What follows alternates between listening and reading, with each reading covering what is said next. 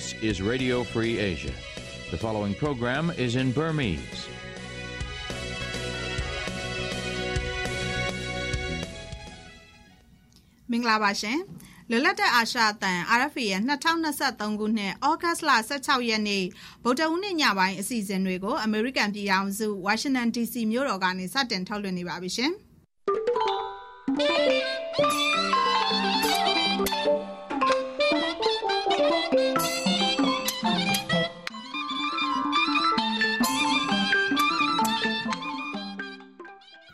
မဝေမာထွန်းပါရှင်ဒီနေ့ညအစီအစဉ်မှာနောက်ဆုံးရသတင်းတွေနဲ့အတူဖားကန့်မြေပြိုမှုမှာပျောက်ဆုံးနေသူ42ဦးတဲကတိတ်ဆုံးသွားသူ33ဦးရဲ့အလောင်းတွေကိုပြန်တွေ့ထားတဲ့အကြောင်းလာမယ့်နှစ်ဆန်းပိုင်းဟာအာနာရှင်စနစ်အဆုံးသတ်ပြီးတော့အောင်ပွဲခံရမယ်ကာလဖြစ်လာနိုင်တယ်လို့ NUG ကာကွယ်ရေးဝန်ကြီးကပြောလိုက်တဲ့အကြောင်းဆက်သွယ်မေးမြန်းချက်တွေကိုထုတ်လွှင့်မှုပြင်ဆင်ထားပါတယ်ရှင်အခုတော့သတင်းတွေကိုအရင်ဆုံးထုတ်လွှင့်ပါမယ်ရှင်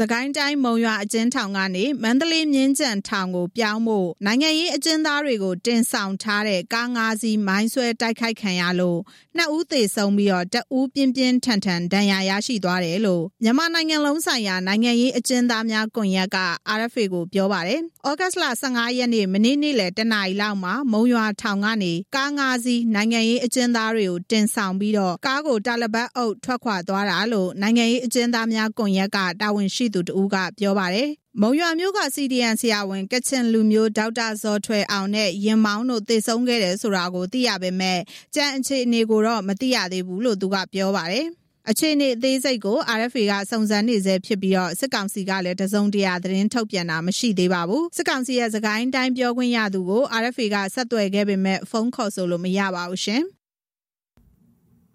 စကိုင်းတိုင်း ရင်မက်ပင်မြို့နယ်မှာ မနေ့က စစ်ကောင်စီတပ်ရဲ့ လက်နက်ကြီးကြောင့် ကလေးတအုပ်သေဆုံးခဲ့တယ်လို့ဒီနေ့မနက်မှာလည်းတပ်ဖြတ်ခံထားရတဲ့ အမျိုးသား ၃ ဦးရဲ့ ရုပ်အလောင်းတွေကို တွေ့ရှိခဲ့တယ်လို့ ဒေသခံတွေက ပြောပါတယ်။ တက်ခံထားရတဲ့ရုပ်လောင်း၃လောင်းကိုမြောက်ရမားချောင်းကူတတာအနီးမှာတွေ့ခဲ့တာလို့ရင်းမပင်မျိုးနယ်ကလုံခြုံရေးအရာအမိမဖော်လို့တဲ့မျက်မြင်တအူးကပြောပါတယ်။တေဆုံးသူတွေဟာရင်းမပင်မျိုးနယ်လဲငေါရွာကအသက်44နှစ်အရွယ်ကိုသိန်းဝေအသက်48နှစ်အရွယ်ကိုကျော်ညံနဲ့အမည်မသိအမျိုးသားတအူးတို့ဖြစ်ပါတယ်။ ဩဂတ်လ15ရက်နေ့မနေ့ကလည်းရင်းမပင်မြို့နယ်ပေကုံရွာမှာစစ်ကောင်စီတပ်ဘက်ကလက်နက်ကြီးနဲ့ပစ်ခတ်ခဲ့လို့အသက်9နှစ်အရွယ်မောင်ကျော်တီဟသေဆုံးပြီးတော့အမျိုးသား2ဦးနဲ့အမျိုးသမီး3ဦးထိခိုက်ဒဏ်ရာရလို့စေကုသနေရတယ်လို့ပေကုံရွာမှာနေထိုင်သူတဦးကပြောပါတယ်စစ်ကောင်စီရဲ့စကိုင်းတိုင်းပြောခွင့်ရသူဝင်ကြီးဦးတင်တန်းဝင်းကို RFA ကဆက်သွယ်မေးမြန်းခဲ့ရမှာတော့သူ့အနေနဲ့သိရှိထားတာမရှိဘူးလို့ပြောပါတယ်ရှင်။ မကွေးတိုင်းဂံကောမြို့နယ်မင်းရွာကိုစစ်ကောင်စီတပ်ကရဟတ်ရင်နှစ်စီးနဲ့ပစ်ခတ်ခဲ့တဲ့အပြင်မြေပြင်ကလည်းစစ်ကြောင်းထိုးတာကြောင့်ဒီနေ့အရက်သား3000ကျော်ထွက်ပြေးနေရတယ်လို့ဒေသခံတွေကပြောပါတယ်။ စစ်ကောင်စီတပ်ကဩဂတ်လ15ရက်နေ့မှာမင်းရွာကိုရဟတ်ရင်နဲ့ပစ်ခတ်ခဲ့ပြီးတော့ဒီနေ့မှာတော့မင်းရွာခောက်ခုရှောက်ပင်စတဲ့ရွာတွေကိုစစ်ကြောင်းထိုးနေတာပါ။စစ်ကြောင်းထိုးနေတဲ့စစ်ကောင်စီတပ်မှာအင်အား80နီးပါးရှိပြီးတော့ဂံကောမြို့အခြေဆိုင်ခြေရင်တက်ရင်ခလာရ90ကဖြစ်တယ်လို့ဒေသခံတွေကပြောပါတယ်ရှင်။ မြန်မာနိုင်ငံမှာ ကိုဗစ်ကပ်ရောဂါ ဖြစ်ပွားချိန်နဲ့မုခမုံတိုင်း တိုက်ခိုက်ချိန်တွေမှာ ကုလသမဂ္ဂ အပါအဝင် နိုင်ငံတကာ အကူအညီပေးမှုတွေနှဲပါခဲ့တယ်လို့ ကုလသမဂ္ဂ လူသားချင်းစာနာမှုဆိုင်ရာ ပေါင်းဆက်ညှိနှိုင်းရေးယုံ UNOCHA အကြီးအကဲ Mr. Martin Griffin နဲ့ တွေ့ဆုံချိန်မှာ စစ်ကောင်းဆောင်က ပြောလိုက်ပါတယ်။ စစ်အာဏာသိမ်းမှုနောက်ပိုင်းအခြေအနေတွေနဲ့လူသားချင်းစာနာမှုအကူအညီပေးရေးကိစ္စတွေနဲ့ပတ်သက်လို့ဩဂတ်လ15ရက်နေ့မနေ့ကနေပြည်တော်မှာ UNOCHA အကြီးအကဲနဲ့တွေ့ခဲ့တာလို့စစ်ကောင်စီကသတင်းထုတ်ပြန်ပါတယ်။ကုလသမဂ္ဂနဲ့မိဖက်အဖွဲ့အစည်းတွေကတော့ရခိုင်ပြည်နယ်အပါအဝင်မြန်မာနိုင်ငံအတွင်းလူသားချင်းစာနာမှုအကူအညီပေးရေးအတွက်ကန့်သက်ထိန်ချုပ်မှုတွေရှိနေတယ်လို့ပြောဆိုထားပါတယ်။ မနေ့ကစစ်ကောင်စီဥက္ကဋ္ဌနဲ့ UNOCHA အကြီးအကဲတို့တွေ့ဆုံမှုအပြီးဘလို့သဘောတူညီချက်တွေရရှိခဲ့တယ်ဆိုတာကိုတော့အသေးစိတ်မသိရသေးပါဘူး။အမျိုးသားညီညွတ်ရေးအစိုးရ NUG က NUG အပါအဝင်တိုင်းရင်းသားအင်အားစုတွေနဲ့ပူးပေါင်းဆောင်ရွက်ဖို့ UNOCHA ကိုတိုက်တွန်းထားပါတယ်။ အမှန်တကယ်ဒုက္ခရောက်နေသူတွေကို ကူညီဖို့ NUG အစိုးရ တိုင်းရင်းသားအင်အားစုတွေနဲ့ ညှိနှိုင်းဆောင်ရွက်ဖို့ အရေးကြီးတယ်လို့ NUG သမ္မတရုံးပြောခွင့်ရသူ ဦးကျော်ဇော်က RFA ကို ဒီနေ့ ပြောပါတယ်ရှင်။ကရင်ပြည်နယ် မြရီမြို့အနီး လက်ခတ်တောင် တာဝါတိုင်းစခန်းကုန်းမှာ စစ်ကောင်စီတပ်နဲ့ ကရင်အမျိုးသားအစည်းအရုံး KNU လက်အောက်ခံ ပူးပေါင်းတပ်တွေဩဂတ်စ်လ15ရက်နေ့မနေ့ကအထိ တိုက်ပွဲတွေ ပြင်းထန်နေပါတယ်။ KNU လက်အောက်ခံပူးပေါင်းတပ်တွေကစစ်ရေးမဟာဗျူဟာအရအရေးပါတဲ့စစ်ကောင်စီရဲ့လက်ခတ်တောင်တာဝါတိုင်းစခန်းကို2023ခုနှစ်ဇူလိုင်လ22ရက်နေ့ကသိမ်းယူခဲ့တာပါ။စစ်ကောင်စီကစခန်းပြန်ရဖို့ထိုးစစ်ဆင်နေတာတလနီးပါရှိနေပါပြီ။ဩဂတ်လ15ရက်နေ့အထိတိုက်ပွဲ10ကြိမ်ထက်မနည်းဖြစ်ပွားခဲ့တယ်လို့ KNU ကထုတ်ပြန်ထားပါတယ်။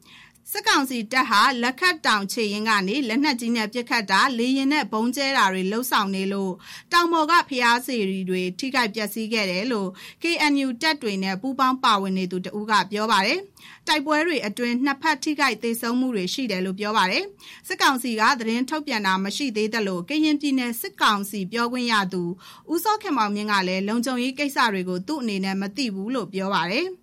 တိုက်ပွဲတွေကြောင့်အနီးနားကမြစ်တာလင်းမြိုင်ရွာနဲ့ကြောက်လုံးကြီးရက်ကွက်ကဒေသခံ900ကျော်အိုးအိမ်စွန့်ခွာထွက်ပြေးနေရပါတယ်ရှင်။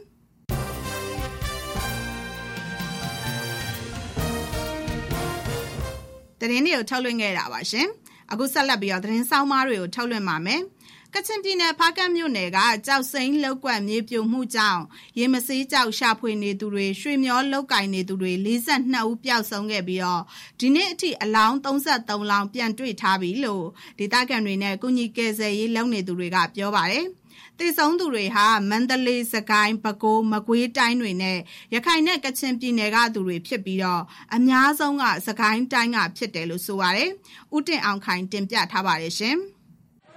ဒါတွေကပြိုတယ်နော်ဒီကဘာတွေကဒီကဘာပြိုတယ်နော်ကချင်ပြည်နယ်ဖားကန့်မြို့နယ်ကကြောက်စိမ့်လောက်ွက်မြေပြိုမှုကြောင့်ပျောက်ဆုံးနေသူ42ဦးရှိခဲ့ပြီးအဲ့ဒီအထက်မှာရေမစေးကြောက်ရှာဖွေသူတွေနဲ့ရွှေမျောလောက်ကင်သူတွေပါဝင်တယ်လို့ဒေသခံတွေနဲ့အကူအညီပေးနေသူတွေကပြောပါတယ်။ဒေဆုံးသူတွေဟာမန္တလေးတိုင်းမိုးကုတ်နယ်တတူးစကိုင်းတိုင်းဒဇယ်ရွှေဘိုဟုံးမလင်းနဲ့ကျွန်းလရခိုင်ပြည်နယ်နဲ့ ကချင်ပြည်နယ်မြစ်ကြီးနားနဲ့ဝိုင်းမော်ပဲခူးတိုင်းကဝေါ်မြို့နယ်မကွေးတိုင်းကပေါ့မြို့နယ်တွေကဖြစ်ကြပြီးအများဆုံးကတော့စကိုင်းတိုင်းကဖြစ်တယ်လို့ဆိုပါတယ်။တည်ဆုံသွားသူတွေထဲမှာစကိုင်းတိုင်းရွှေဘိုမြို့နယ်လက်ရက်ကုန်းရွာကအသက်26နှစ်အရွယ်ကိုအောင်ထွန်းမြင့်ဟာမိဘကိုလှုပ်ကြွေးသူဖြစ်လို့မိခင်ဖြစ်သူကသူ့အနေနဲ့အလွန်မင်းခံစားရပါတယ်လို့ RFA ကိုပြောပြပါတယ်။ မနေ့က9နာရီလောက်ပေါ်ပြောတော့အခုကြိုပြီးပါပြီ။ဒါသားတွေလေးလေးသားတွေလေးလေးကမိဘလက်ကန်ကျင်းနေတာတွေပါ။ဒါအကူကြဆိုတယောက်ကိုရန်ခံစားလာမလားရဲ့။ဒါလေးကအကူကြဆရာတော်ကရန်ခံစားလာတယ်။တာသမီသုံးဦးနဲ့ကိုအောင်ထွန်းမြင့်က ဖားကန့်မှာကြောက်တူးပြီး မိသားစုကို ထောက်ပံ့ခဲ့တာဆယ်နှစ်ပတ်ဝန်းကျင်ရှိပြီလို့ဆိုပါတယ်။နောက်ထပ်သိဆုံးသွားတဲ့ ကျွန်းလာမြို့နယ် ငပြောတော်ရွာက အသက်46နှစ်အရွယ် ကိုဝင်းကျော်ရဲ့ရောက်ဖတ်တော်ဆက်သူကလည်းအခုလိုအမှတ်မတင်သေးဆုံးသွားတာနှမျောမိပါတယ်လို့ပြောပါတယ်။ကျွန်တော်မြို့နယ်ပြောတော့ကြီးရကကိုဝင်းကျော်တယ်။ဟောကျွန်တော်ကသူ့ရဲ့သူ့ရဲ့ရောက်ဖဗျ။ဟုတ်တယ်40နှစ်မှ6နှစ်ရှိသွားပြီ။ဟောသူကလူပြေကြီးဗျ။ကျွန်တော်ကတော့ကျွန်တော်ရောက်ပါတော့တော့နှမျောတာပေါ့ဗျာ။ဒါကြမ်းပြနေတယ်သူကတော့ဖေတယောက်တည်းရှိရလေမရမရှိတော့ဘူးလေ။ဒီအမတယောက်ရှိတယ်လေ။ဒါလေးတော့ကောင်းကြီးနေရဆိုတော့လေ။ ကိုဝင်းကျော်ရဲ့အလောင်းကိုလည်းဩဂုတ်လ15ရက်နေ့မနေ့ကပြန်တွေ့တာကြောင့်တကြိုလိုက်ပြီလို့ဆိုပါတယ်။ဩဂုတ်လ23ရက်နေ့ညနေ3နာရီကျော်ကဖားကန့်မြို့နယ်မနရွာအနီးကကြောက်စိမ့်တူလုတ်ကွက်မြေစာပုံနဲ့ကြောက်ကမ်းဘက်ကရေကန်အတွင်းပိုင်းကိုပြိုကျခဲ့တာကြောင့်အဲ့ဒီအနားတဝိုက်မှာတပိုင်းတနိုင်ကြောက်စိမ့်တူးနေသူတွေနဲ့ရွှေမျောတိုက်သူ40ကျော်ပျောက်ဆုံးခဲ့တာဖြစ်ပါတယ်။အဲ့ဒီထဲကဩဂုတ်လ16ရက်နေ့ ညနေ3နာရီခွဲအထိအလောင်း33လောင်းတွေ့ရှိလာပြီးဖြစ်တယ်လို့ကုညီကယ်ဆယ်ရေးလှုပ်ဆောင်နေသူတူကပြောပါတယ်မနေ့ကနဲ့ဆိုလို့ရှိရင်33ဖြစ်သွားပြီ25ဒီနေ့ချက်လောက်မနေ့ကလည်း25လောင်း25လောင်းကိုပန်ရှင်တွေ့တာ19လောင်းသူကပန်ရှင်တွေ့တာကလည်းသူကလည်းဒီကြိုကြပြီပေါ့နော်တနေ့အလောင်းတွေကတော့ပန်ရှင်မပေါ်သေးဘူးအဲ့တော့သက်ဆိုင်ရာသူတုတ်တန်ကိုသူပို့ထားပြီးပြီပေါ့နော်ခိုင်းတိုင်းပါမယ်ပြီးရင်ရခိုင်ပါမယ်ခင်ဝါပါလေကချင်ပါတယ် ကုညီကယ်ဆယ်ရေးလုပ်ငန်းတွေဇက်တိုက်ဆောင်ရွက်နေပြီးဩဂုတ်လ16ရက်ကအလောင်းတွေတွေ့ထားပေမဲ့ပိုင်ရှင်မပေါ်သေးတာကြောင့်စည်ရင်တိကျမရသေးဘူးလို့ဆိုပါတယ်။စကိုင်းတိုင်းရွှေဘိုမြို့နယ်ကနေလာပြီးအလုလုသူတူကလည်းရွာမှာနိုင်ငံရေးမတည်ငြိမ်တာကြောင့်ဖားကန့်မှာကြောက်တူးလုပ်ငန်းလာလုပ်တာဖြစ်ပြီးမြေပြိုတဲ့အထက်သူ့ရဲ့ညီဝမ်းခွဲတူပါသွားတယ်လို့ပြောပြပါတယ်။အခုညီ ဝမ်းခွဲဝမ်းခွဲနဲ့ဟိုကျင်းကျင်းကတော့တော့တော့3ရက်ပါပါ။အဲကျွန်တော်တို့ကြီးကတော့နားရကျွန်တော်တို့ကြီးကဆိုရင်ဒီတော်တော်များများဘယ်လိုမှဒီနှစ်အောက်ပိုင်းနဲ့ပြောမှလားဖြေနေရတဲ့မငြိမ်သက်တော့အဲမပြန်ဖြစ်ကြတာများတယ်ခါရနေကျွန်တော်တို့ဒီဘိုးလေးဆိုရင်ပြန်ရတယ်ဒါဒီချိန်မှလည်းကျွန်တော်တို့ပြန်ပြန်တက်တာပေါ့ဗျာဘာကလည်းဟိုရွာလဲမရှိခံထားရတာမပြန်ဖြစ်တာပေါ့ဗျာဒီမှာဆိုရင်ပို့ပြီးတော့လုံခြုံနေပေါ့အဲအားကြောင့်ဒီနေ့မပြန်ဖြစ်ဘူးပေါ့စစ်ကောင်စီရဲ့ ကချင်ပြည်နယ်ပြောရေးဆိုခွင့်ရှိသူလူမှုရေးဝန်ကြီးဦးဝင်းရထွန်းကဩဂုတ်လ15ရက်နေ့အထိအလောင်း25လောင်းတွေ့ရှိခဲ့ပြီးဒဏ်ရာရသူတွေကိုလည်းအကူအညီပေးနေတယ်လို့ပြောပါတယ်။ဟိုဒဏ်ရာရတဲ့9ယောက်ကတော့ဆေးရုံမှာ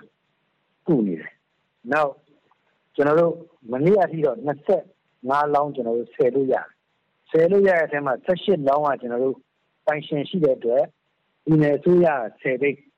10ဘိတ်ထောက်ပံ့တယ်။ နောက်ကျွန်တော်တို့ဒဏ်ရာရတဲ့ပြည်သူတွေအတွက်ကတော့အဲ့လိုဌာနဆိုင်ရာတွေနဲ့ဒီကျွန်တော်တို့အစိုးရအဖွဲ့နဲ့ပေါင်းပြီးတော့ကျွန်တော်တို့တဦးလေးသိန်းခွဲကျွန်တော်တို့တောက်ပံ့ထားတယ်လိုတဲ့ကိစ္စလည်းအကုန်လိုက်လုပ်ပေးနေတယ်မြေပြိုမှုကြောင့်တေဆုံးရသူတွေရဲ့မိသားစုတွေနဲ့အတူဝမ်းနည်းကြေကွဲရကြောင်းလဲကချင်အမျိုးသားဖိုရမ် KNF ကကြေညာချက်ထုတ်ပြန်ထားပါတယ်။အဲ့ဒီဒေသဟာဆယ်စုနှစ်မကဆက်ရန်လျားကြီးတွေနဲ့အချိန်ပြည့် အမြဲတူးဖော်နေတာကြောင့်တဘာဝလျောက်ရှိနေတဲ့တောတောင်တွေမရှိတော့ဘဲမကြာခဏပြိုကျနေတာလို့ဆိုပါတယ်2020ပြည့်နှစ်ကဝေခါမော်ကြောက်စိမ့်လုတ်ကွက်ပြိုကျမှုမှာလူပေါင်း190ကျော်သေဆုံးခဲ့ရတယ်လို့2022ခုနှစ်ဖေဖော်ဝါရီလ28ရက်နေ့ကဖားကန့်မြို့နယ်မလင်ချောင်ရွာမှာမြန်မာအမျိုးသားကုမ္ပဏီနဲ့ရှမ်းရိုးမကုမ္ပဏီတို့ရဲ့ကြောက်တူးဖော်ရေးလုပ်ကွက်တွေမြေပြိုမှုမှာလဲ ကုမ္ပဏီဝန်ထမ်းနဲ့ကြောက်တူးသမား80နီးပါးသေဆုံးခဲ့ရပါတယ်။ဗြိတိန်နိုင်ငံခြေဆိုင် Global Witness လူအခွင့်အရေးအဖွဲ့ရဲ့နောက်ဆုံးထုတ်ပြန်ချက်မှာမြန်မာနိုင်ငံအရရက်ကလူပေါင်း၄သိန်းနီးပါးဟာဖားကန်ဒေသမှာရေမဆေးကြောက်ရှာဖွေနေကြပြီးဘေးကင်းလုံခြုံမှုမရှိတဲ့အခြေအနေမှာအလုတ်လုတ်ကင်နေရတယ်လို့ပြောထားပါတယ်ခင်ဗျာကျွန်တော်တယောက်ခိုင်မှာဒီသတင်းကို Washington DC မြို့ကနေ တင်ပြခဲ့တာပါ ဦးတင်အောင်ခိုင်တင်ပြခဲ့တာပါရှင်။တော်လန်ရေးအဖွဲ့အားလုံးတခုတည်းသော အမိန့်နာခံမှုအောက်ကနေထိုးစစ်ဆင်နိုင်မှုကျိုးပန်းနေပြီးတော့ဓာတာအောင်မြင်မယ်ဆိုရင် လာမယ့်နှစ်စမ်းပိုင်းဟာအာနာရှင်စနစ်အဆုံးသတ်ပြီးတော့အောင်ပွဲခံရမယ့်ကာလဖြစ်နိုင်တယ်လို့အမျိုးသားညီညွတ်ရေးအစိုးရကာကွယ်ရေးဝန်ကြီးဦးရီမွန်ကပြောပါတယ်။ NUG ကာကွယ်ရေးဝန်ကြီးဦးရင်မွန်ကို RFA အဖွဲ့သားဦးခင်မောင်စိုးဆက်သွယ်မေးမြန်းချက်ပထမပိုင်းကိုနားဆင်ပါရှင်။ ဟုတ်ကဲ့ဝန်ကြီးဦးရမော်ခင်ဗျလက်ရှိဆရာတို့ PDF ပြည်သူ့ကာကွယ်ရေးတပ်မတော်အင်အားအခြေအနေကဘယ်လိုရှိပါလဲခင်ဗျကျွန်တော်တို့ PDF နဲ့ပတ်သက်ရင်တော့အခုချိန်မှာကျွန်တော်တို့ PDF တပ်ရင်းပေါင်း300ကျော်ရှိမယ်တစ်ဖက်မှာလည်းကျွန်တော်တို့ပကဖပြည်သူ့ကာကွယ်ရေးအဖွဲ့ဆိုတာလည်းရှိသေးတယ်ပြည်သူ့ကာကွယ်ရေးအဖွဲ့အနေနဲ့ဆိုရင်အခုချိန်မှာဒါမြို့နယ်ပေါင်း160မှာဖွဲ့စည်းပြီးဖြစ်တယ်အဲ့ဒီအတွက်ပကဖအင်အားကတော့ကျွန်တော်တို့ ရကြီးမြို့နယ်ခရိုင်တိုင်းစစ်စစ်စုဖွဲ့တာဖြစ်တဲ့အတွက်အင်အားသိန်းနဲ့ချီပြီးတော့ရှိလိမ့်မယ်လို့ကျွန်တော်ပြောနိုင်ပါတယ်ဆရာတို့လက်အောက်ခံတပ်ဖွဲ့တွေရောအဲ့ဒီတိကျဒီ local တပ်ဖွဲ့တွေဟိုဒေသခံပြည်သူ့ကာကွယ်အဖွဲ့တွေရောဟိုစုစုပေါင်းမှာလက်နဲ့တပ်ဆက်နိုင်တဲ့အနေအထားကိုခင်ဗျဝန်ကြီးပြောနိုင်တယ်လို့ကျွန်တော်သိပြစီခင်ဗျအဲ့တော့လက်နဲ့နဲ့ပတ်သက်ရင်တော့ကျွန်တော်တို့နီလန်း၃ခုနဲ့ဆောင်ရွက်တယ်လို့ပြောလို့ရမယ် ထမနီးလန်းကတော့အခုကျွန်တော်တို့ပြည်သူတွေထောက်ပံ့လူဒန်းတဲ့ရန်ပုံငွေနဲ့ဝယ်ယူတဲ့အစီအစဉ်ပေါ့အဲဒါကကျွန်တော်တို့နီးလန်းတစ်ခုဖြစ်မယ်ဒုတိယနီးလန်းကတော့ကိုယ်တိုင်ထုတ်လုပ်တဲ့အစီအစဉ်အဲ့တော့အခုကျွန်တော်တို့တော်လိုင်းကာလနှစ်နှစ်ကျော်အတွင်းမှာကျွန်တော်တို့ထုတ်လုပ်ရေးရဲဘော်တွေရဲ့ဤပညာကိုထုတ်လုပ်နိုင်စွမ်းကောကလည်းပို့ပြီးတော့ကျွန်တော်တို့တိုးတက်လာပြီလို့ပြောလို့ရပါတယ် နောက်ထပ်နီလန်တစ်ခုကတော့ရန်သူလက်နဲ့ကိုယ်လက်နဲ့ဖြစ်စေတဲ့နီလန်မှာအထူးသဖြင့်ဒါရန်သူလက်နဲ့ကိုကျွန်တော်တို့အပုံလိုက်အစုလိုက်လက်ရသိမ့်ပိုင်နိုင်ခဲ့တာတွေလည်းကျွန်တော်တို့ဒီလိုအောင်ပွဲမျိုးတွေကိုအမြောက်အများရယူနိုင်ခဲ့တာကလည်းအရေးကြီးတဲ့အချက်ဖြစ်ပါတယ်အဲ့တော့စစ်လက်နဲ့ပစ္စည်းပိုင်းနဲ့ပတ်သက်ရင်လက်နက်တာမကဘဲနဲ့ဒါကျွန်တော်တို့ လုံလောက်တဲ့အရန်ကြီးပါပြင်ဆင်ရတာကျွန်တော်တို့ရှိတယ်လုံလောက်တဲ့အရန်ကြီးရရှိဖို့အတွက်ပစ္စည်းရှာဖွေရတာကျွန်တော်တို့ဖြည့်တင်းရတာတစ်ဖက်မှာဒါကိုဦးစားပေးပြီးတော့ဆောင်ရွက်ရတာရှိသလိုအဲတစ်ဖက်မှာလည်းကိုယ့်ရဲ့နောက်တစ်ဆင့်စစ်ဗျူဟာအတွက်လိုအပ်တဲ့ကျွန်တော်တို့လက်နက်ကြီးများပေါ့လက်နက်ကြီးများကိုဝယ်ယူတဲ့နီလန်းနဲ့ကိုကိုယ်တိုင်ထုတ်လုပ်တဲ့နီလန်းနဲ့ပါဖြည့်ဆည်းနေတယ်လို့ကျွန်တော်အနေနဲ့သိပေးလိုပါတယ် ဟုတ်ကဲ့အဲ့တော့ဆရာတို့လက်ရှိစစ်ရေးပြင်ဆင်မှုတွေကရောဘယ်လိုရှိပါလဲခင်ဗျဟုတ်ကဲ့ဟောအခုလက်ရှိကျွန်တော်တို့တော်လန်ရေးတစုံလုံးကိုခြုံကြည့်မယ်ဆိုရင်တော့ကျွန်တော်တို့ PDF ရဲဘော်များအပါပဲပေါ့ဒေါ်လာကြီးရဲဘော်တွေဟာတိုက်ပွဲတွေ့ကြုံကောင်းကောင်းကျွန်တော်တို့ရရှိလာပြီတိုက်ရီခိုက်ရီလည်းကျွန်တော်တို့ပို့ပြီးတော့ပြည့်ဝလာပြီဆိုတာတွေ့ရပါတယ် ဒါအပြင်ကျွန်တော်တို့တက်မှုကောင်းတွေလည်းစစ်တိုင်းသီးသီးမှာဒါကျွန်တော်တို့မြောက်များပေါ်ပေါက်လာတာရှိတယ်မဟာဗျူဟာပိုင်းဤဗျူဟာပိုင်းကိုကျွန်တော်တို့တရင်စစ်ကြောင်းနဲ့စစ်စင်ရေးတစ်ခုချင်းကိုဥဆောင်စီမံနိုင်တဲ့တမှုကောင်းတွေပေါ်ထွက်လာတာကလည်းအရေးကြီးတဲ့ဖြစ်ပေါ်တိုးတက်မှုလို့ကျွန်တော်တို့နားလည်အဲ့တော့ဒီချိန်မှာကဝေးဝင်ကြီးဌာနအနေနဲ့ဆိုရင် အရေးကြီးတဲ့အစီအစဉ်တစ်ခုအနေနဲ့ကျွန်တော်တို့တမှုငွေထုတ်တဲ့တင်နန်းအဲ့တော့ဒီတင်နန်းကိုတော့ကျွန်တော်တို့တခွဲမှုတင်နန်းလို့ခေါ်ပါတယ်ဒီတင်နန်းဖြစ်မြောက်ရေးအတွက်ဒါမဟာမိတ်အဖွဲ့အစည်းကလည်းအကူအညီပေးပြီးတော့အခုချိန်မှာဒီသင်တန်းကနေပြီးတော့မှဒါကျွန်တော်တို့တမှုအယောက်300ကျော်လဲကျွန်တော်တို့မွေးထုတ်နိုင်ခဲ့ပြီပြောနိုင်တက်ခွင့်မှုသင်တန်းဆိုတာ PDF ရဲ့ ရာရှိသင်တန်းလို့လည်းဆိုနိုင်ပါတယ်ခင်ဗျအဲ့တော့ဒီတက်ခွင့်မှုသင်တန်းနဲ့အတူ PDF ရဲ့ကျွန်တော်တို့ကိုယ်ပိုင်လေ့ကျင့်ရေးတပ်တစ်ခုပေါ်ပေါက်လာဖို့လေ့ကျင့်ရေးဆရာပြည့်သင်တန်းတွေလည်းကျွန်တော်စီစဉ်ပွင့်လည်နေတာဖြစ်တယ်။ဒါကကျွန်တော်တို့အင်အားတိဆောက်မှုနဲ့ပတ်သက်လို့ပြင်ဆင်တဲ့အပိုင်းပါ။အဲ့တော့တစ်ဖက်မှာတော့တော်လန်ရေးဟာအဆင့်တစ်ခုကိုတက်သွားပြီလို့ကျွန်တော်တို့ဒီလိုသုံးသပ်ပါတယ်။ အဲ့တော့စစ်ရေးအရာပြောမယ်ဆိုရင်လည်းမိမိရဲ့စိုးမိုးနယ်မြေတွေမှာပို့ပြီးတော့ထိန်းချုပ်နိုင်ဖို့အတွက်ကျွန်တော်တို့ကြိုးပမ်းနေတယ်လို့ပဲတစ်ဖက်မှာလည်းရန်သူစိုးမိုးနေမြေတဲ့အထိဝင်ရောက်ပြီးတော့မှ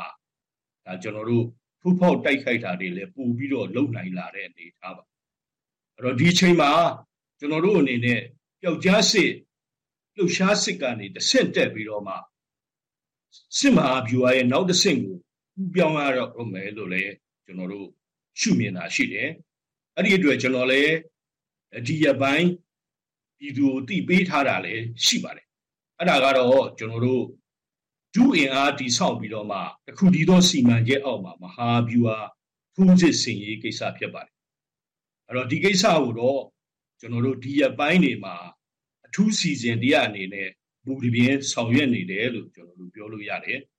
အခုကျွန်တော်တို့တက်ရင်ပေါင်း300ကျော်ကိုနောက်တစ်ဆင့်စုဖွဲ့မှုအနေနဲ့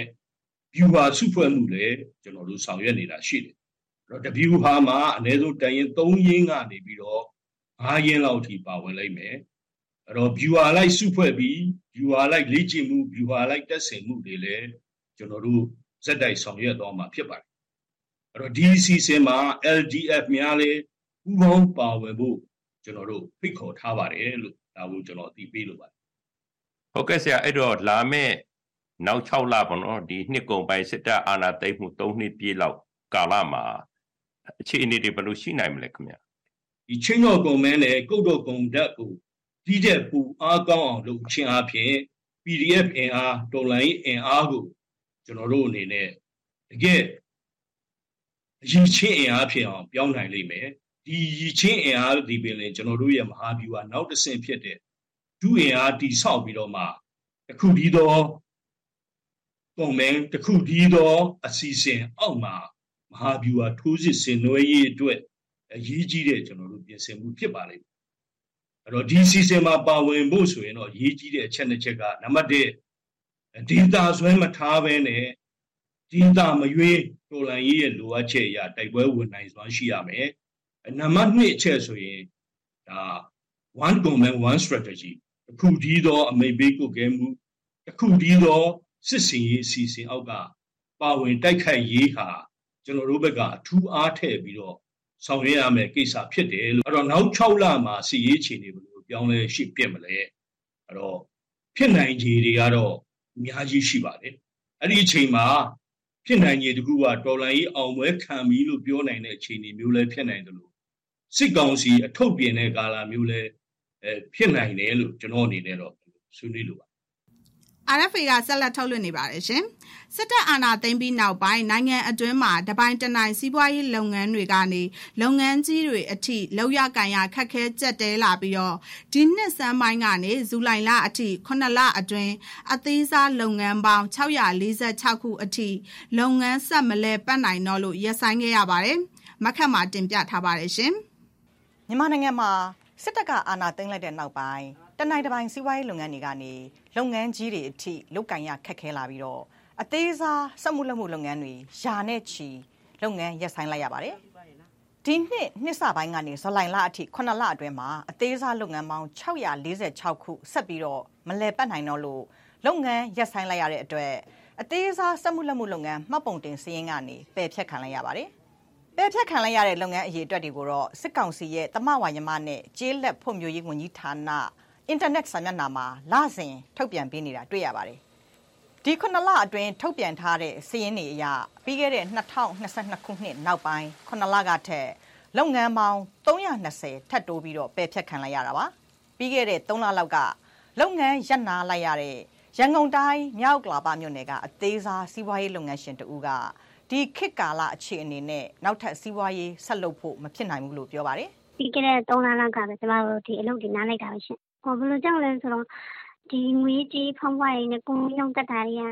ကတနေ့စီတနေ့မတူဘူးလေပြီးရင်ကျမတို့ကဝယ်ရတာအမြင့်ဈေးနဲ့ဝယ်ရတာတမျိုးပြီးရင်ပြန်ရောက်လို့ရှိရင်လည်းတားကြီးအမြင့်ရောင်းလို့လည်းမရအောင်မကိုက်ဘူးလေအဲ့တော့ရတဲ့ဈေးနဲ့ပဲအကုန်လုံးလျှော့ရောင်းပြီးတော့မှကျမတို့အလုပ်တွေနားနေတာပါကျမတို့အတိတွေထဲမှာပဲအဲ့လိုပဲရန်နာလိုက်တဲ့လုပ်ငန်းတွေအများကြီးရှိတယ် ပြီးရင်ဒီမြန်မာနိုင်ငံမှာအခုလက်ရှိဒီအခြေအနေနဲ့ဆိုရင်တော့ဘာလို့မှလုပ်လို့ရအောင်လို့ကျမတို့မထင်ဘူးသူဟာစစ်တပ်အာဏာမသိမ်းခင်ကတည်းကလူသုံးကုန်နဲ့အဝတ်အထည်တွေတနိုင်တပိုင်ရောင်းချနေတာပါသူ့လုပ်ငန်းကိုအသေးစားစက်မှုလက်မှုလုပ်ငန်းမှတ်ပုံတင်ကနေပယ်ဖျက်ခံလိုက်ရတဲ့အကြောင်းပြီးခဲ့တဲ့ဇူလိုင်လကုန်ပိုင်းလောက်မှစုံစမ်းသိရှိခဲ့ရတာလို့ဆိုပါတယ်အခုတော့ပုတ်ကလိကကုမ္ပဏီတစ်ခုမှာဝန်ထမ်းဝင်လုပ်နေပါတယ်အသေးစားစက်မှုလက်မှုလုပ်ငန်းဦးစီးဌာနရဲ့တာဝန်ရှိသူတူကတော့ မှတ်ပုံတင်ကနေပယ်ဖျက်လိုက်တဲ့လုပ်ငန်းအများစုကအသေးစားစားတောက်ကုန်လူသုံးကုန်လုပ်ငန်းတွေဖြစ်ပြီးမှတ်ပုံတင်ဖို့ရက်ကြော်လွန်တာနဲ့လုပ်ငန်းဆက်ပြီးတော့မလုပ်ကိုင်နိုင်ဘူးဆိုပြီးတော့တင်ပြလာတဲ့လုပ်ငန်းတွေဖြစ်တယ်လို့ပြောပါတယ်။အဓိကတော့လုပ်ငန်းရှင်တွေမလုပ်နိုင်တဲ့အချိန်ကျရင်တော့သူတို့သူတို့တင်ပြလာတဲ့အချိန်တော့ဖယ်ချက်ပေးတာပေါ့။ဒီဒီဟာကျတော့ကျမတို့ရဲ့ဥပဒေရှိရလေ။လုံသမားဟိုငင်းကောင်ရေးငါးကောင်နဲ့အထက်အဲ့ဒီဟာ နဲ့ ပတ်သက်တဲ့ အကျုံးဝင်တဲ့ လုပ်ငန်းတွေကို မှတ်ပုံတင်ပေးတာပေါ့ ကျမတို့က။တက်ဖြတ်တာကျတော့ သူတို့တွေက အဲ့လိုမျိုးလူတွေကို မှတ်ပုံတင်ပေးတယ် သူတို့ကနေမှ လုံကန်းလောက်ကန်လို့ခြင်း မရှိဘူးဆိုလို့ရှိရင် နောက်တန်းတိုးတွေ ကျော်လွန်သွားတယ်ဆိုရင်တော့ ပယ်ချက်ပေးရပယ်ချက်တဲ့တဘောအသေးစား စက်မှုလက်မှုလုပ်ငန်း မှတ်ပုံတင်ရဲ့တက်တန်းကနှစ်နှစ်ရှိတာပါ စစ်ကောင်စီရဲ့တမဝါယမနဲ့ ကျေးလက်ဖွံ့ဖြိုးရေးဝန်ကြီးဌာန ထုတ်ပြန်ချက်အရတော့ခုနှစ်လအတွင်း အသေးစားလုပ်ငန်းပေါင်း640ကျော်ကို ပယ်ဖျက်လိုက်တယ်လို့တစ်ဖက်မှာလည်း မှတ်ပုံတင်ခွင့်ပေးလိုက်တဲ့လုပ်ငန်းပေါင်း1900နီးပါးရှိနေပါတယ်ဇူလိုင်လကုန်အထိတနိုင်ငံလုံးမှာမှတ်ပုံတင်ထားပြီးဖြစ်တဲ့အသေးစားစက်မှုလက်မှုလုပ်ငန်းပေါင်းက2000နီးပါးအထိရှိနေတယ်လို့ထုတ်ပြန်ထားပါတယ်။ပြီးခဲ့တဲ့နှစ်ဒီဇင်ဘာလမှာမှတ်ပုံတင်ထားတဲ့လုပ်ငန်းပေါင်းက19000နီးပါးသာရှိခဲ့တဲ့အတွက်9လအတွင်းမှတ်ပုံတင်ထားတဲ့လုပ်ငန်းပေါင်း1235ခုအထိထပ်တိုးလာတာတွေ့ရပါတယ်။ လက်ရှိဆက်ပြီးတော့လဲပတ်လုတ်ကင်နေကြတဲ့လုပ်ငန်းအများစုကတော့အလုတ်ကင်ရှားပါနေတဲ့အတွက်မဖြစ်လို့သာထိမ့်လုံနေကြတဲ့အနေအထားမှာဖြစ်တယ်လို့အသေးစားလုပ်ငန်းရှင်တွေကပြောပါတယ်။ရှမ်းပြည်နယ်ကျိုင်းတုံမြို့နယ်ကလုံခြုံရေးအရာအမည်မဖော်လို့သူစားတောက်ကုန်လုပ်ငန်းရှင်တူကတော့ကုန်ချမ်းဈေးမြင့်သွားတာတည်ယူပို့ဆောင်စရိတ်မြင့်တက်လာတာတွေကြောင့်အရင်ကထက်လောက်ရကန်ရတာပိုခက်ခဲနေတယ်လို့ပြောပါတယ် ပါလာပေါ့နော်အရောင်းဝယ်ကဟိုဘာလို့လဲဆိုကုန်စည်နှုန်းတက်ခါကျတော့ပါလာဆိုတာဒီလိုပါပုံချမ်းကရှားလာပြီးတော့ဟိုပုံစောပြန်ထွက်တဲ့ခါကျရင်ဈေးကနည်းနည်းတက်တက်ရတာပေါ့နော်တက်ရခါကျတော့နည်းနည်းအရင်ထက်ဆိုင်တော့ဈေးဟိုပေါ့အရောင်းဝယ်ကနည်းနည်းပါသွားတာပေါ့နော်အဲ့လိုပြီးတော့ဟို ဒီဘက်ကဟိုဒီဘက်ကထွက်တဲ့ပစ္စည်းကိုလောက်တာလည်းမဟုတ်ဘူးစားပေါ့နော်ဥပမာတခြားဟိုငချောက်တို့ဘာလို့ဟိုအမျိုးတွေကြတော့တခြားမျိုးကနေမှားတာဆိုတော့လမ်းစိရိတ်နဲ့လမ်းစိတ်ကလည်းဥပမာအရင်တော့ဆို9000ကျတဲ့ဟာအခုဆိုတော့1000ခွက်လောက်ဖြစ်သွားတာမျိုးပေါ့နော်အဲ့လိုမျိုးကြီးဆိုတော့တော်တော်တော့ခတ်ပါတယ်ဟုတ်မိုခါမုန်တိုင်းတန်ခံခဲ့ရတဲ့ရခိုင်ပြည်နယ်မှာဆိုရင်လေတည်ယူပို့ဆောင်စရိတ်နဲ့ကုန်ချမ်းစည်းမြင့်တက်တာအလုသမားရှားပါနေတာကြောင့်လုပ်ငန်းအများစုမရက်ယုံတမဲလောက်ကင်နေရတယ်လို့ စစ်တွေမြို့နယ်အတွင်းဓနိဘူးလက်ဖက်ချောက်နဲ့ခေါင်းလျှော်ရည်ကိုကိုယ်တိုင်ထုတ်လုပ်ရောင်းချနေတဲ့အသေးစားလုပ်ငန်းရှင်ဒေါ်မေသူကပြောပါတယ်။ကိုပြည်တွင်းတွေကထုတ်တဲ့ပစ္စည်းကဈေးနှုန်းကတက်နေလို့မရဘူး။ကိုကချို့ပြီးလို့ရောင်းရတယ်အမြတ်အစွမ်းကတိုက်မရှိဘူးပေါ့ဒါပေမဲ့ကိုရဲ့အလုပ်တခုလေပတ်နေဖို့အဓိကကိုပဲထားပြီးတော့မှစူးစမ်းပြီးတော့ပေါ့နော်ပြီးလို့ရှိရင်အလုပ်သမားချမရဘူးနေဘက်မှာဆိုတော့အကုန်လုံးထိုင်း မလေးအဲ့ဒီဖက်တွေကိုသွားနေကြတော့လေတော်တော်လေးနဲ့အလုပ်သမားရှာမရဘူးပြီးလို့ရှိရင်သူတို့လိုချင်တဲ့နေစားဥပမာသူတို့က2000လို့ရှိရင်ကိုက2000မပေးနိုင်ဘူးအဲ့လိုမျိုးအဲ့လိုမျိုးအခက်အခဲတွေလည်းရှိတယ်ပေါ့နော် American ခြေဆိုင်စီးပွားရေးလစ်လာသူဦးစိန်ထေးကတော့ဒါဟာစစ်တပ်အာဏာသိမ်းပြီးတဲ့နောက်ဆက်တွဲဆိုးကျိုးတွေဖြစ်ပြီးတော့နောက်မှာအခုထက်ပိုဆိုးလာနိုင်တယ်လို့သုံးသပ်ပါတယ်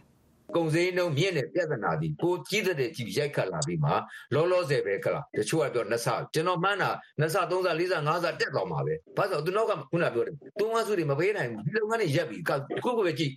ခင်ဗျတလားမပြည့်သေးဘူးလေနဲ့နှလုံးကထုတ်တာခုခင်ဗျစဉ်းစားကြည့်ကိုရက်ကုန်ပြီဆိုတော့တိုင်းပြည်ရဲ့စီးပွားရေးမှာလွန်ထိကနေလာမှုဖြစ်လိမ့်မယ်အထူးသဖြင့်တိုင်းပြည်ဒီပုဂ္ဂလိကလုပ်ငန်းအသေးစားလေးတွေကိုအားထားရတယ် ဆိုတော့အဲ့ဒီလုပ်ငန်းလေးကိုရိုက်ခတ်တဲ့ဒဏ်ဒီကြီးမားတဲ့ကြီးမားပြီးတော့အဲ့ဒီမိသားစုဝင်တွေသူ့ကိုပြီးခိုးနေတဲ့လူအားလုံးရဲ့စားဝင်တွေကြက်တဲ့ဖြစ်ပြီးတော့တိုင်းပြည်ရဲ့စီးပွားပဲထိခိုက်နေတာဖြစ်လာမှာပဲဗျအသေးစားစက်မှုလက်မှုလုပ်ငန်းတွေဆက်ပြီးတော့ရပ်တည်နိုင်မှုဆိုရင်လုပ်ငန်းရှင်တွေကိုယ်တိုင်စူးစမ်းဖို့လိုတယ်လို့သက်ဆိုင်ရာတွေကလည်းထိထိရောက်ရောက်ကူညီပေးနိုင်ဖို့လိုအပ်တယ်လို့ရခိုင်ပြည်နယ်ရဲ့အငယ်စားအသေးစားအလက်စားလုပ်ငန်းရှင်များအသင်းဥက္ကဋ္ဌဦးညီတိုးမင်းက RFA ကိုပြောပါတယ်။ ဇွန်လ29ရက်နေ့ကထုတ်ပြန်ထားတဲ့ကမ္ဘာ့ဘဏ်ရဲ့နှစ်ဝက်အစီရင်ခံစာမှာတော့မြန်မာနိုင်ငံမှာ2023ခုနှစ်ပထမနှစ်ဝက်အတွင်းကုန်ထုတ်လုပ်မှုပမာဏ GDP အနည်းငယ်တိုးတက်လာတယ်လို့ဖော်ပြထားပါတယ်။အာနာမသိန်းခင်2019ခုနှစ်နဲ့နှိုင်းယှဉ်ရင်တော့ကုန်ထုတ်လုပ်မှုပမာဏ10ရာခိုင်နှုန်းလျော့နေပေမဲ့မြန်မာနိုင်ငံရဲ့စီးပွားရေးအခြေအနေဟာတဖြည်းဖြည်းနဲ့တည်ငြိမ်လာနိုင်တယ်လို့ဖော်ပြထားပါတယ် ဒီထုတ်ပြန်ချက်ပါအချက်လက်တွေဟာကမ္ဘာ့ဘဏ်လိုနိုင်ငံတကာအဖွဲ့အစည်းတွေကကိန်းဂဏန်းအချက်အလက်ရဖို့လက်ရှိအုပ်ချုပ်နေသူတွေနဲ့ဆက်ဆံနေရတာကြောင့်တတ်တက်ညာညာဖော်ပြထားတာလို့နိုင်ငံရေးစစ်ရေးနဲ့စီးပွားရေးအခြေအနေတွေကိုစောင့်ကြည့်မှတ်တမ်းတင်နေတဲ့မြမမဟာဗျူဟာနဲ့မူဝါဒရေးရာလေ့လာရေးအဖွဲ့ ISP မြန်မာအဖွဲ့ဝင်ဦးအောင်သူငင်းကပြောထားပါတယ်။အဲ့ဒီမတိုင်ခင်2023ခုနှစ်မလ31ရက်နေ့ကကမ္ဘာ့ဘဏ်ရဲ့ထုတ်ပြန်ချက်မှာတော့မြန်မာနိုင်ငံမှာစားတောက်ကုန်နဲ့လောင်စာဆီဈေးမြင့်တက်မှု ပြည်သူတွေရဲ့ဝယ်လိုအားကျဆင်းမှုတွေကြောင့်မြန်မာကျပ်ငွေတန်ဖိုးဟာ31ရာခိုင်နှုန်းအထိကျဆင်းနေတယ်လို့ဖော်ပြထားပါတယ်။2023ခုနှစ်ဇွန်လ30ရက်နေ့ကနေပြည်တော်မှာပြုလုပ်တဲ့နိုင်ငံစည်းဝါးမြင့်တင်ရေးအစည်းအဝေးမှာတော့စစ်ကောင်စီဥက္ကဋ္ဌဗိုလ်ချုပ်မှုကြီးမင်းအောင်လှိုင်က2022-23ဘဏ္ဍာရေးနှစ်မှာစီးပွားရေးပြန်လည်ဥမော့လာပြီးတော့3.2ရာခိုင်နှုန်းအထိတိုးတက်ခဲ့တယ်လို့ပြောထားပါတယ်ရှင်။ ဒီအစီအစဉ်နဲ့ပဲလွတ်လပ်တဲ့အာရှအသံ RFA ရဲ့ဗုဒ္ဓဦးနေ့ညပိုင်းထုတ်လွှင့်ချက်တွေကိုရန်နာခွင့်ပြုပါရှင်။ဒီညအစီအစဉ်ကိုတာဝန်ခံ editor ဒေါ်ဆန်းဆန်းတင်ထုတ်လုပ်ရေးမှုကိုချမ်းမြေအောင်ကျမဝေမာထွန်းနဲ့အတူ RFA အဖွဲ့သားတွေပူးပေါင်းတင်ဆက်ခဲ့တာပါ။ RFA ကိုကြည့်ရှုတဲ့အတွက်ကျေးဇူးအထူးတင်ပါတယ်။မြန်မာပြည်သူပြည်သားများဘေးရန်ခတ်သိမ်းကင်းဝေးပါစေရှင်။